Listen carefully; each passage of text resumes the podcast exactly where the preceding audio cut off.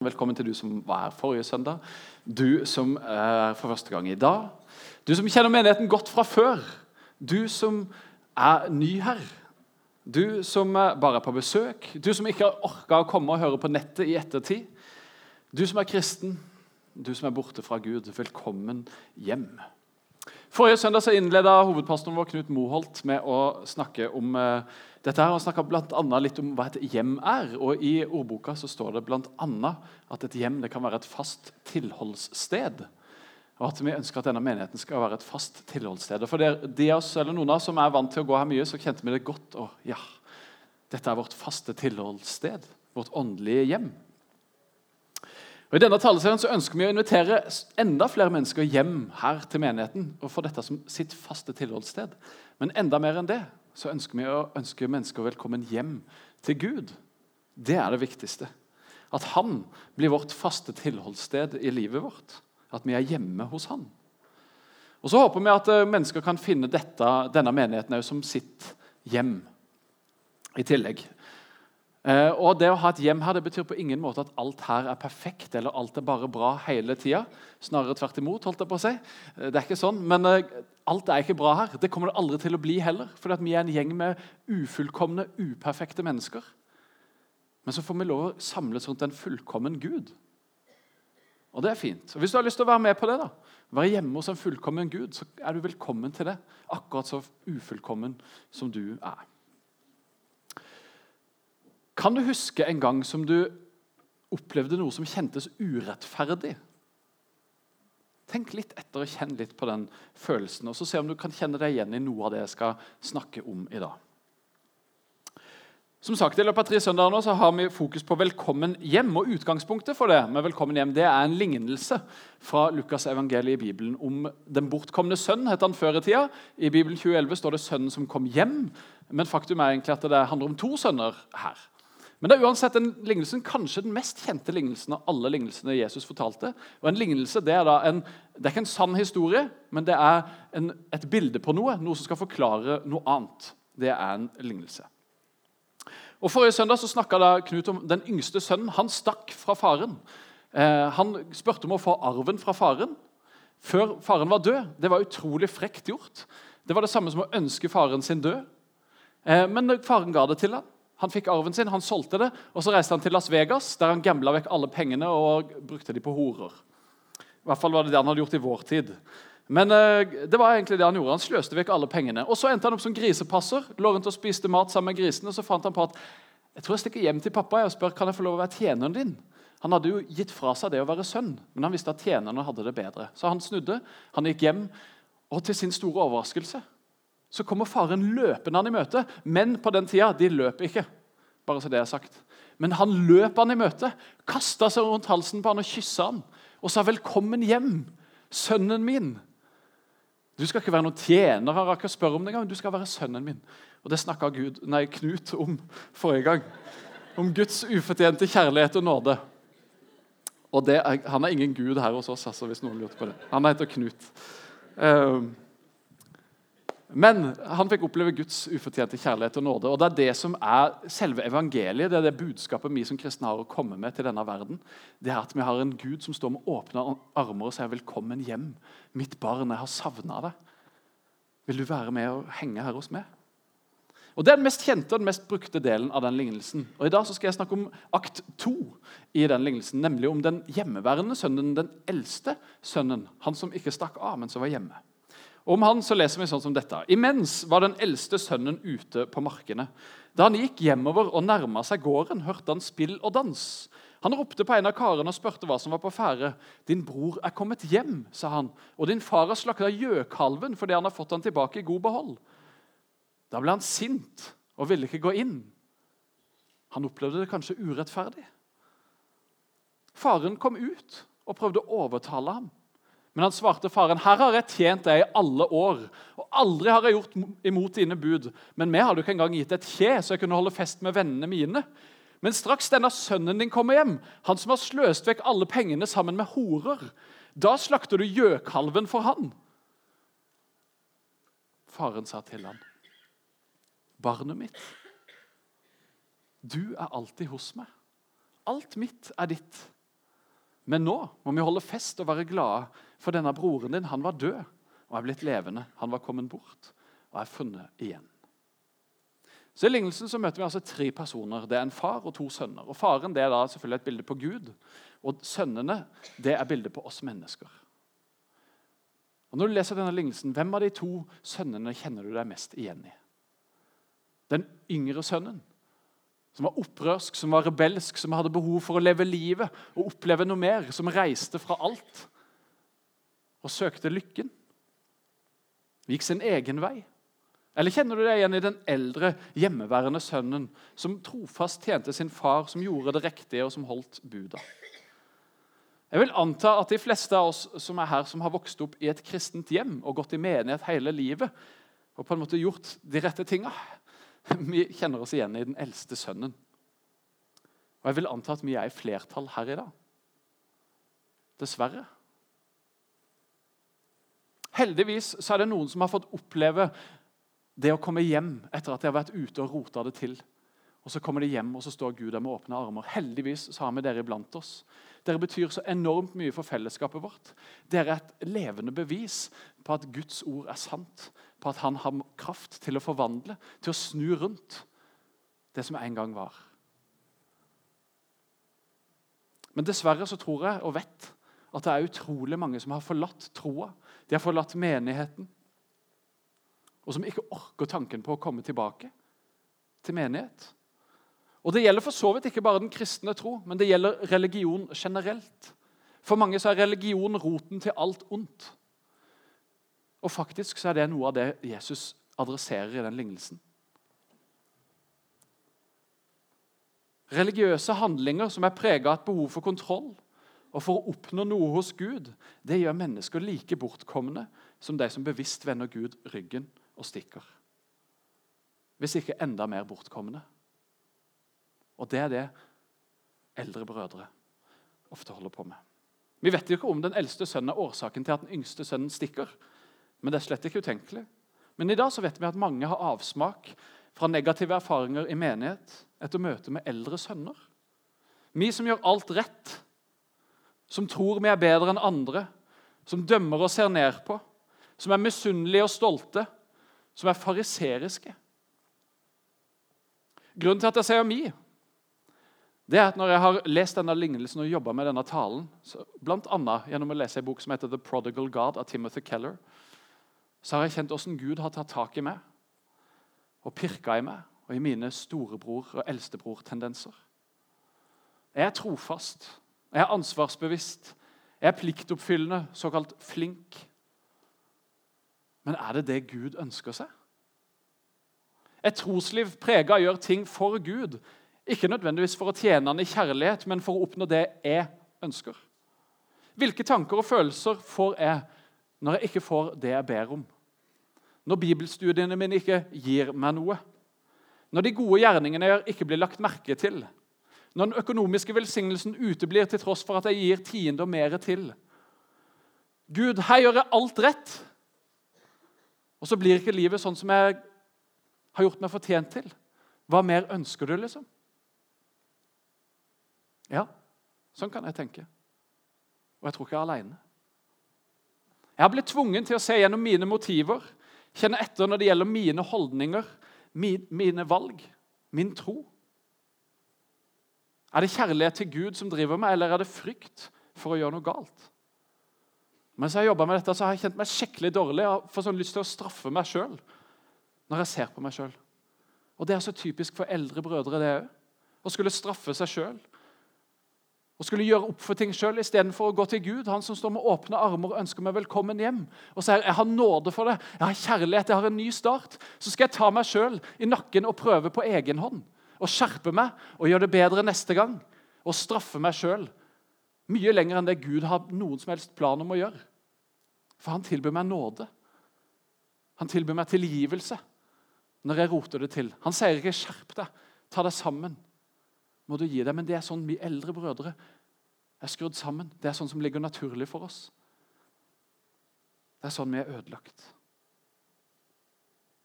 Er det noen andre her som kjenner seg igjen i det? Det tror jeg. Hva kjennetegner da menighetene våre? Timothy Keller, som har skrevet denne boka, The Prodigal God, han skriver dette. If the preaching of our ministers and the practice of our parishioners do not have the same effect on people that Jesus had, then we must not be declaring the same message that Jesus did. If our churches aren't appealing to younger brothers, they must be more full of elder brothers than we'd like to think. Altså Hvis forkynnelsen til våre pastorer og praksisen til våre menighetsmedlemmer ikke har samme effekt på mennesker som det Jesus hadde, da preker vi ikke det samme budskapet som Jesus gjorde. Hvis kirkene våre ikke appellerer til yngre brødre, de som har rota ting til, da må vi være mer fylt av eldre brødre enn det vi liker å tro. Og jeg tror han har så rett. Så til dere yngre sønner, som mest sannsynlig ikke er her i dag, men som kanskje har forvilla dere inn eller hører på podkast i ettertid, kan dere tilgi oss eldre brødre for å ha jaga dere bort? For å ha ødelagt bildet deres av Gud? For ikke å representere Jesus, men å være bedrevitere og være fariseriske? For å være opptatt av oss sjøl, ønske ting på vår måte og stå på utsida av surmule når vi ikke føler at vi har fått som fortjent? Hva med meg? Jeg har jo tjent trofast i menigheten i alle år. Hvorfor får ikke jeg det som jeg vil? Hvorfor er det alltid bare de andre, bare de nye, bare de gamle, bare de unge? Hvorfor er det aldri med? Og Dette er satt litt på spissen, men det er samtidig tydelige tendenser hos oss som kjenner oss igjen i den eldre sønnen. Hovedproblemet vårt er at vi blir sjølrettferdige. Vi blir uten behov for Gud. Vi klarer oss så greit på egen hånd. Vi følger buda, vi følger reglene. Vi vet godt hva som er rett og galt. og følger det. Vi diskuterer hvor grensene går, hvem som er innafor og utafor. Hva skal vi med nåden og tilgivelsen? Vi har jo ikke stukket av grisa til livet. Vi er jo trofaste og gjør alt det riktige. Men resultatet, hva blir det? Jo, vi blir sjølrettferdige, og vi blir sjølmedlidende. Og vet dere hva det er for noe? Det er synd. Oftest når denne lignelsen brukes, så forkynnes det mot typiske yngre brødre. Vi ønsker å si dere at dere er velkommen hjem. Gud står med åpne armer. Han lengter etter dere. Og Det er riktig og bra. og Det er del én av denne taleserien som Knut eh, snakket om sist, og del én av lignelsen. Men det er ikke dere yngre brødre som er den egentlige målgruppa til Jesus når han forteller denne lignelsen. Det er oss eldste sønner.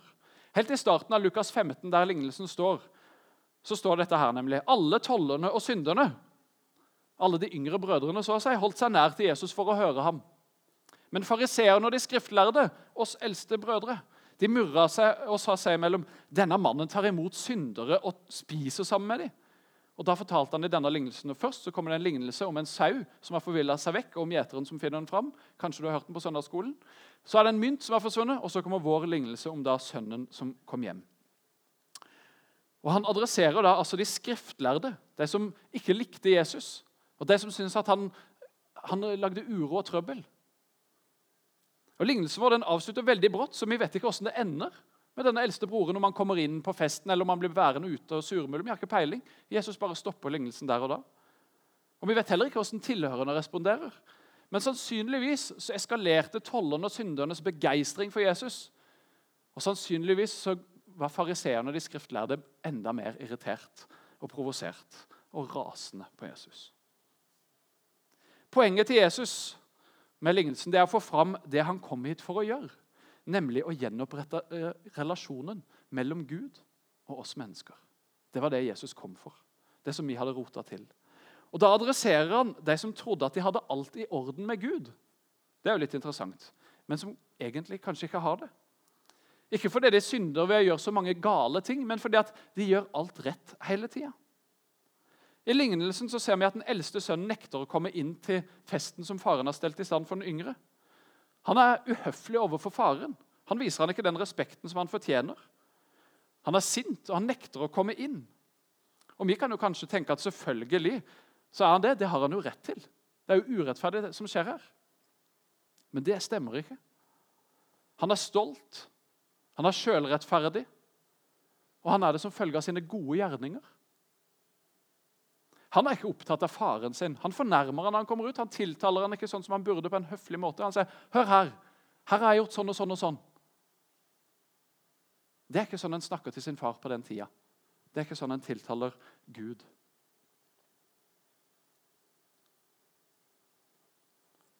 Han er mer opptatt av seg sjøl. Han er opptatt av arven sin. Han er opptatt av det som er hans sitt. Han er ikke opptatt av, av farene og relasjonen de to imellom. Han er òg bortkommen. Han har òg rota det til for seg sjøl.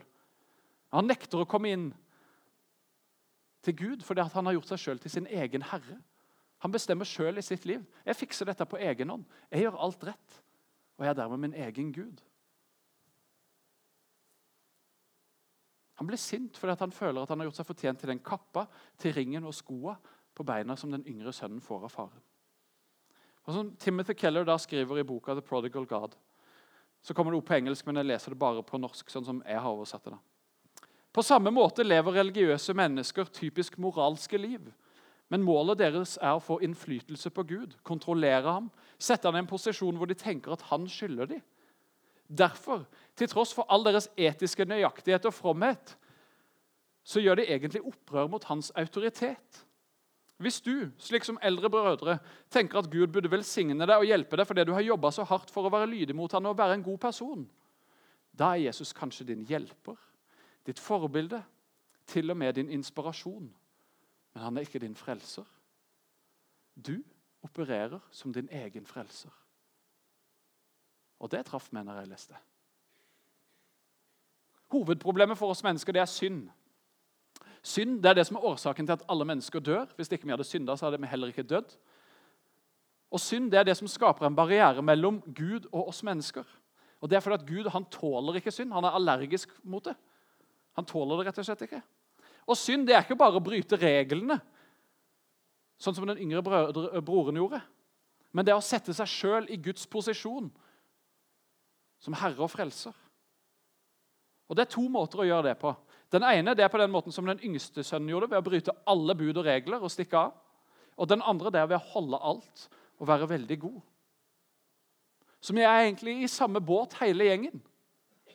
Og Det er som vi leser i Romerbrevet 3, som Knut løfta fram sist òg. Her er det ingen forskjell, for alle har synda og mangler Guds herlighet. Det er ute med oss alle. Det er ingen av oss som fikser det. Og Det er det som er Jesus sitt budskap til oss. Vi er fortapt, vi er syndere. Vi kan ikke gjøre noe som helst fra eller til for å redde oss sjøl. Det hjelper selvfølgelig ikke å stikke av og gjøre alt galt. Men det hjelper ikke å gjøre alt rett heller. Det holder ikke. Så budskapet det gjelder for oss alle, for yngre brødre og for eldre brødre. Og det kommer i det neste verset. Men ufortjent og av Hans nåde blir de kjent rettferdige, frikjøpt i Kristus Jesus. Helt uavhengig av oss sjøl, uavhengig av hva vi gjør eller ikke gjør. Uavhengig av hvem vi er og ikke er, osv. Det er bare Jesus som kan kjøpe oss fri, som vi sang om i sangen her. Som gjør oss rettferdige. Ingenting i oss sjøl. Det ligger utafor oss sjøl. Det er Gud som må ordne opp. Og Det er det som er så fantastisk, at han står og ønsker oss velkommen. Velkommen hjem. Han gjør det med den eldre broren. 'Barnet mitt', sier han. Han er nådefull og kjærlig, uansett om han er frekk og ufordragelig og sjølgod. Og Han gjør det overfor den yngre sønnen som har rota allting til og spilt vekk alle pengene hans. Velkommen hjem. Du tilhører meg. Men dessverre så tror jeg at den største utfordringa ligger hos oss som kjenner oss igjen i de eldre brødrene. Vi ser nemlig ikke behovet vårt for nåde og tilgivelse. En yngre sønn som har rota til livet og ligger i møkka, han skjønner at her er det ikke noe å være, så jeg stikker hjem igjen. Men for oss som tilsynelatende har alt på stell, så er det mye vanskeligere å innse det og forstå det. Og Hva skal vi da gjøre? Synde mer, sånn at vi kjenner behovet? Slett ikke, sier Paulus i Romerne 6. Vi skal selvfølgelig ikke synde mer for å kjenne behovet. Men jeg tror at vi trenger å bli minnet om at vi er syndere, avhengig av Guds nåde. Og Vi trenger å se at synd ikke bare er konkrete handlinger og gjør rett og galt eller ikke, men at det er en holdning og det er en del av hvem vi er. Og Vi må hver dag vende oss vekk fra vårt eget, fra lysten til å gjøre det som er vårt eget, som er på tvers av Guds vilje. Og vende oss om og gå den veien som han ønsker. Gå han i møte som står med åpne armer. Ikke straffe oss sjøl, ikke være sjølrettferdige, men søke nåde hos han. Og Det gjelder som sagt uansett hvem vi er. Vi er like ufullkomne. Og Jeg tror vi trenger hverandre i fellesskapet for å bryne oss på hverandre, for å kjenne at nåden blir synlige blant oss. Hvis alle hadde vært like, så hadde det på en måte ikke vært så mye behov for det. Men vi trenger at folk er annerledes, ulike. Det gjør noe med den enkelte av oss. Vi trenger ikke å straffe oss sjøl og ta oss sammen. Og heller ikke rettferdiggjøre de feilene vi gjør. Nei, det var ikke så nøye, det er ikke så farlig. Jo, det er det. Synd er et kjempeproblem for alle mennesker. Men vi får lov å komme til Gud og leve åpent og ærlig hos Han. Du ser åssen det er i mitt liv. Du kjenner meg. Takk for at du tar meg imot. Og Jeg leser et par ting i Bibelen som jeg tror kan hjelpe oss i situasjonen vår. Og Det første det er ydmykhet. Det er noe som er litt lite i vårt samfunn, tror jeg. Først og fremst er vi nødt til å ydmyke oss innenfor Gud og anerkjenne at det er Han som er Gud, det er Han som er Herre, det er Han som er frelser, og ikke oss sjøl. Vi må sette Gud høyere enn våre vår egne prioriteringer. Vi må være ærlige og si at vi trenger Hans hjelp.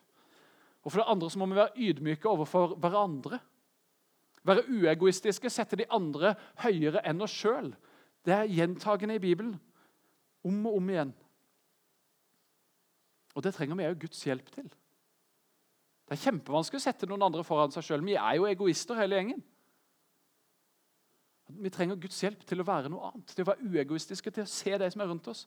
Til å våge å gå på kjerkekaffe etterpå og se etter noen andre. 'Hei, hvem er du?'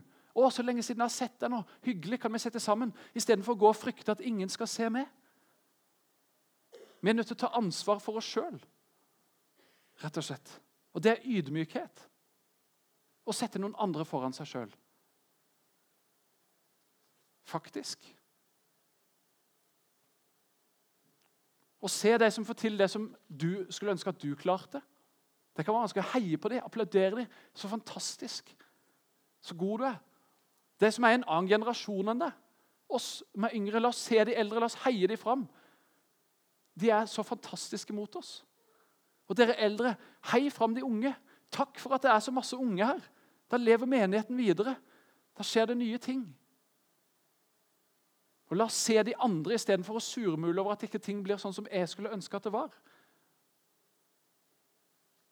Være selvmedlidende. Vi kan se de som har lavere sosial status enn oss. Det er noen relasjoner i våre hverdager som er vanskeligere enn andre. Vi kan sette den andre personen foran oss sjøl. Det kan være noen på jobben, det kan være noen i familien, det kan være noen i vennekretsen. Sett de høyere enn deg sjøl. Vær ydmyk og se hva det gjør med deg. Og Det andre som jeg leser om og som jeg har tenkt mye på, det er takknemlighet. Takknemlighet for hva vi har, takknemlighet for hva som skjer rundt oss. Finn ting i ditt liv som du har å være takknemlig for. Skriv det opp. Ting i menigheten her som du er takknemlig for. Skriv det opp, og takk for det. Og kjenn hva det gjør med oss. Når vi er ydmyke og setter de andre foran oss sjøl. Når vi takker for alt det gode som vi har. Vi har det jo så uendelig godt. Vi har jo så fantastisk mye. Og så har vi en så utrolig lei tendens til å se på oss sjøl være navlebeskuende og tenke at å, det burde vært mer sånn og det burde vært mer sånn, og jeg vil ha ditt og jeg vil ha datt. Men å løfte blikket og se på det rundt oss og takke for det som er, i ydmykhet og takknemlighet. Og la oss se på Gud. Han som møter oss med kjærlighet og nåde, uansett om vi har skitna oss til og vært langt borte, eller om vi står på utsida og furter og nekter å komme inn fordi at ikke ting ble sånn som vi ønska det. Og Guds farskjærlighet for oss, den er der hele tida. Den er tilgjengelig alltid. Og vi kan gå den i møte. Og Guds farskjærlighet den skal vi få lov å høre mer om neste søndag, når Knut skal tale igjen. Så Hjertelig velkommen til å høre mer om det. Jeg håper du har blitt utfordra i dag. Det har jeg blitt. Jeg har lyst til å be en bønn for oss før vi skal synge litt og bli sunget litt for. Jesus, takk for din nåde. Takk, Gud, for at du er bare god og ønsker oss det beste. Takk for at du står med åpne armer og tar oss imot uansett hvem vi er, uansett åssen livet vårt ser ut, Herre. Takk for din kjærlighet. Helligånd, jeg ber om at du kommer og rører ved oss nå og gjør det som du tenkte i dag. Møt oss med nåde, med kjærlighet, med en ny start, Herre Jesus. Og hjelp oss Hjelp oss, Herre.